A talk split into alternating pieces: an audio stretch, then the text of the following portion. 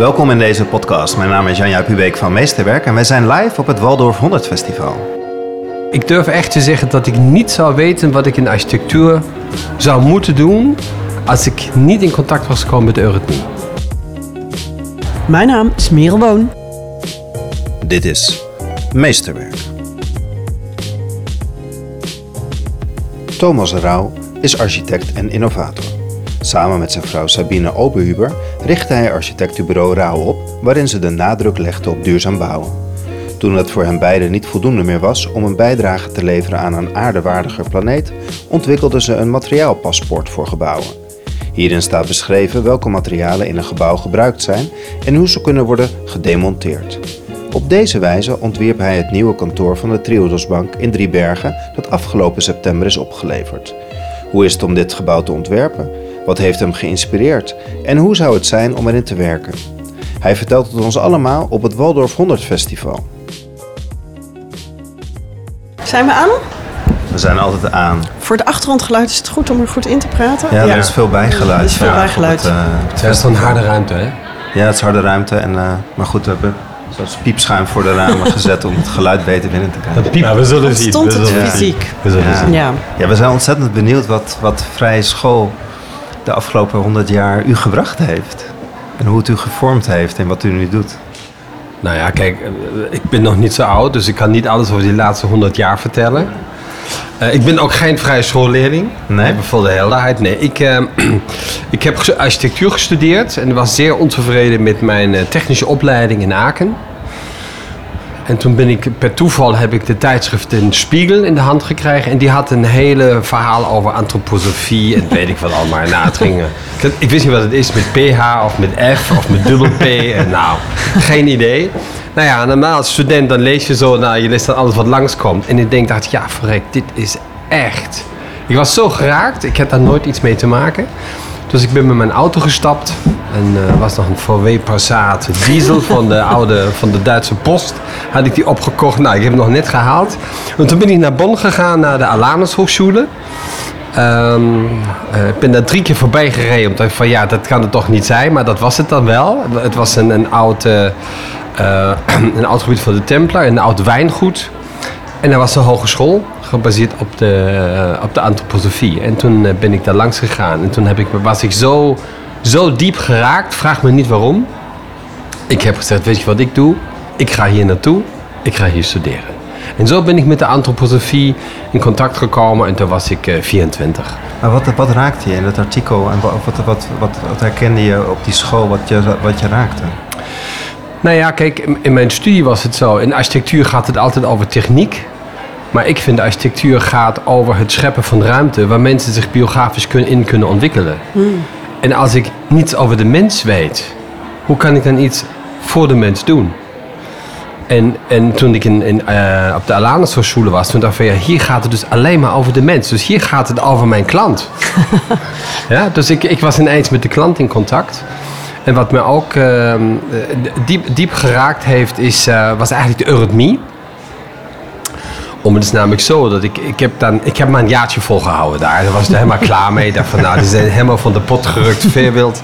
Geen enkele relatie met deze wereld. Maar die in Aken, die hadden geen enkele relatie met de mens. Dus ik dacht van ja, eh, misschien moet ik het allebei samen doen. Misschien is dit een goede verbindenis. En ik had toen een, eh, een relatie met de dochter van de directeur van de Alanus Hochschule. En die zei, weet je wat Thomas, als jij een studieprogramma schrijft om beide studies met elkaar te verbinden, ik zorg ervoor dat je dat hier kunt doen. Oh, wat cool. Ongelooflijke gesten. Ja. Ja. En toen, eh, toen heb ik de zomer gebruikt om een soort, soort curriculum, eh, curriculum te schrijven. Ik heb dan drie mensen gevonden.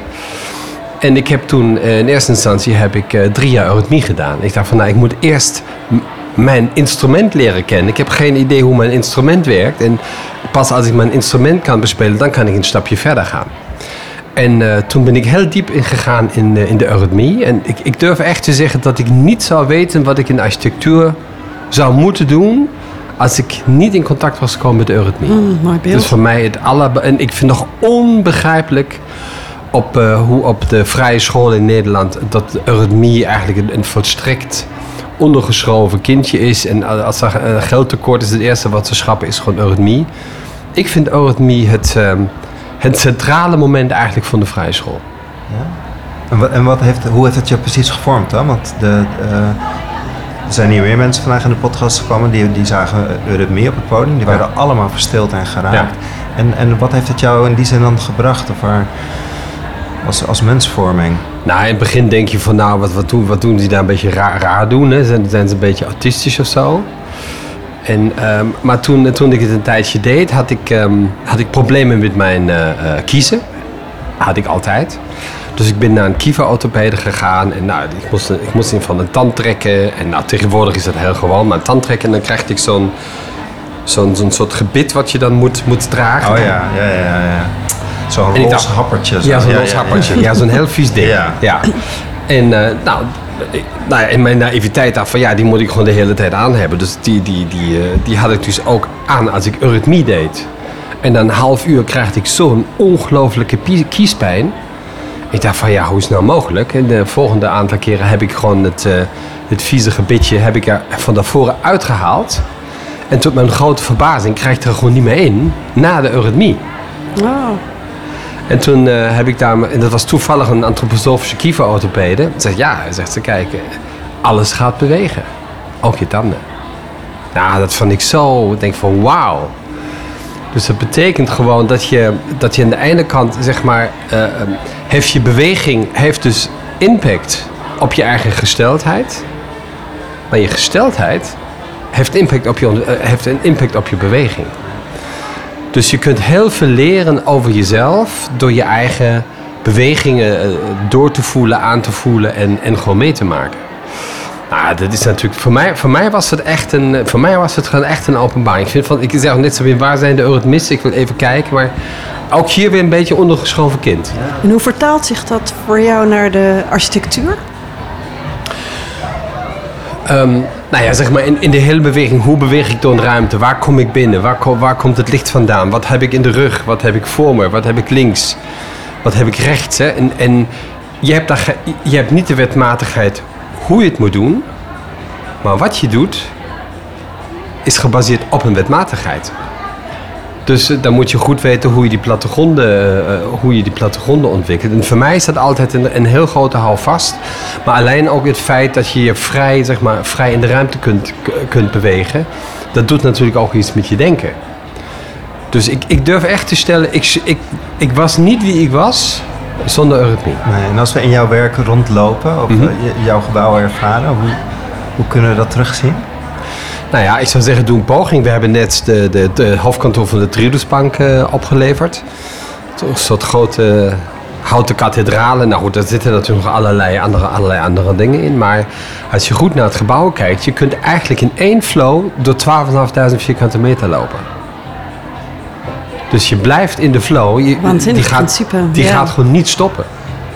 Dus er zit een soort oneindig flow-principe in dit, eh, in, in dit gebouw. En dat is heel bevorderlijk voor mensen om met elkaar te gaan werken. Nou, als je constant eigenlijk in die flow zit, ja, dan ben je deel van de flow. Hij is onlangs opgeleverd. Ja. Wordt er al in gewerkt? Ja, ze, ja, ze zijn nu bezig eh, de, de, de, de bureaus te olieën en eh, alles daarin te brengen. Dat is wel echt de laatste fase. de laatste fase. En eh, volgens mij 1 november gaan ze verhuizen en 15 november zijn ze, zijn ze operationeel op het landgoed eh, Drehorst in, in Driebergen. Naast het gebouwtje waar ooit Triodos Bank 40 jaar geleden ook opgericht is. Dus een beetje terug naar af. Ga je kijken? Ga je daar dagen zitten kijken hoe de mensen zich bewegen door jouw gebouw? Of laat je dat eerste proces los? Nee, nee, nee. Kijk, ik, ik, ik heb nu zeven jaar eh, daaraan gewerkt. En, nu we hebben het overgedragen aan de opdrachtgever. En laat die eerst maar even zijn plekje vinden. En dan over een jaar komen we weer langs. En dan gaan we gewoon kijken of het eh, goed, goed voelt. Ja. Welke, welke droom jij voor de komende 100 jaar? Welke droom heb jij? Oh, welke droom ik heb?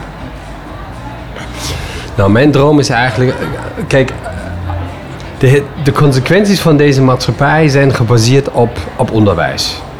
Het meest waardevolle wat we hebben in ons leven zijn onze kinderen. En ik kan me de indruk niet onttrekken dat niet iedereen iedere ochtend zijn kind op de meest waardevolle plek in deze maatschappij achterlaat. Dus ik denk dat het onderwijs een volstrekt ondergeschoven kind in deze maatschappij is. Ik denk ook dat dat de bedoeling is om, je wilt natuurlijk systeemimmanente mensen op laten groeien. Dus je hebt niet aan mensen die gewoon eh, te kritiek of te veel kritiek over het systeem hebben. Dus ik vind we moeten veel meer naar onderwijs eh, brengen. Onderwijs is de belangrijkste discipline überhaupt. Dat is het fundament voor de, voor de maatschappij. En eh, nou, binnen het onderwijs, nou ja goed, kijk, de vrije school gaat over het levendig maken van, van kunst, van wetenschap en van religie. Daar gaat het eigenlijk over.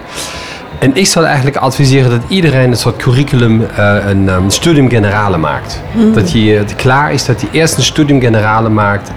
Dat eerst zeg maar, dat de perspectief open gaat, zo ver mogelijk, om zich dan, om zich dan te oriënteren. Ik vind dat kinderen zich veel te snel al moeten focusseren eh, wat ze moeten en willen doen. En ik had laatst een gesprek met mijn zoon en zei: Ja, papa, ik weet helemaal niet wat ik, wat ik wil worden. Ik zei: Kijk, dat is een heel goed teken. Want wat jij gaat worden, bestaat namelijk nog niet. Nee. En, eh, nou, en om dit vol te houden heb je gewoon lef nodig. Maar ik denk, alles wat we graag willen, bestaat eigenlijk nog niet. Dus we moeten het gewoon maken. Wauw, wat een mooi antwoord. Ik wou nog vragen welk Ja. gebouw zou je willen maken, maar die ga ik dus niet meer stellen. want- Tof. Ja, Wauw, dankjewel voor dit mo- mooie gesprek, voor je inzicht. Graag gedaan. Dankjewel. dank je. Dankjewel voor de uitnodiging. Ja. Dank aan Danielle. Eh, eh, Daniel heet je.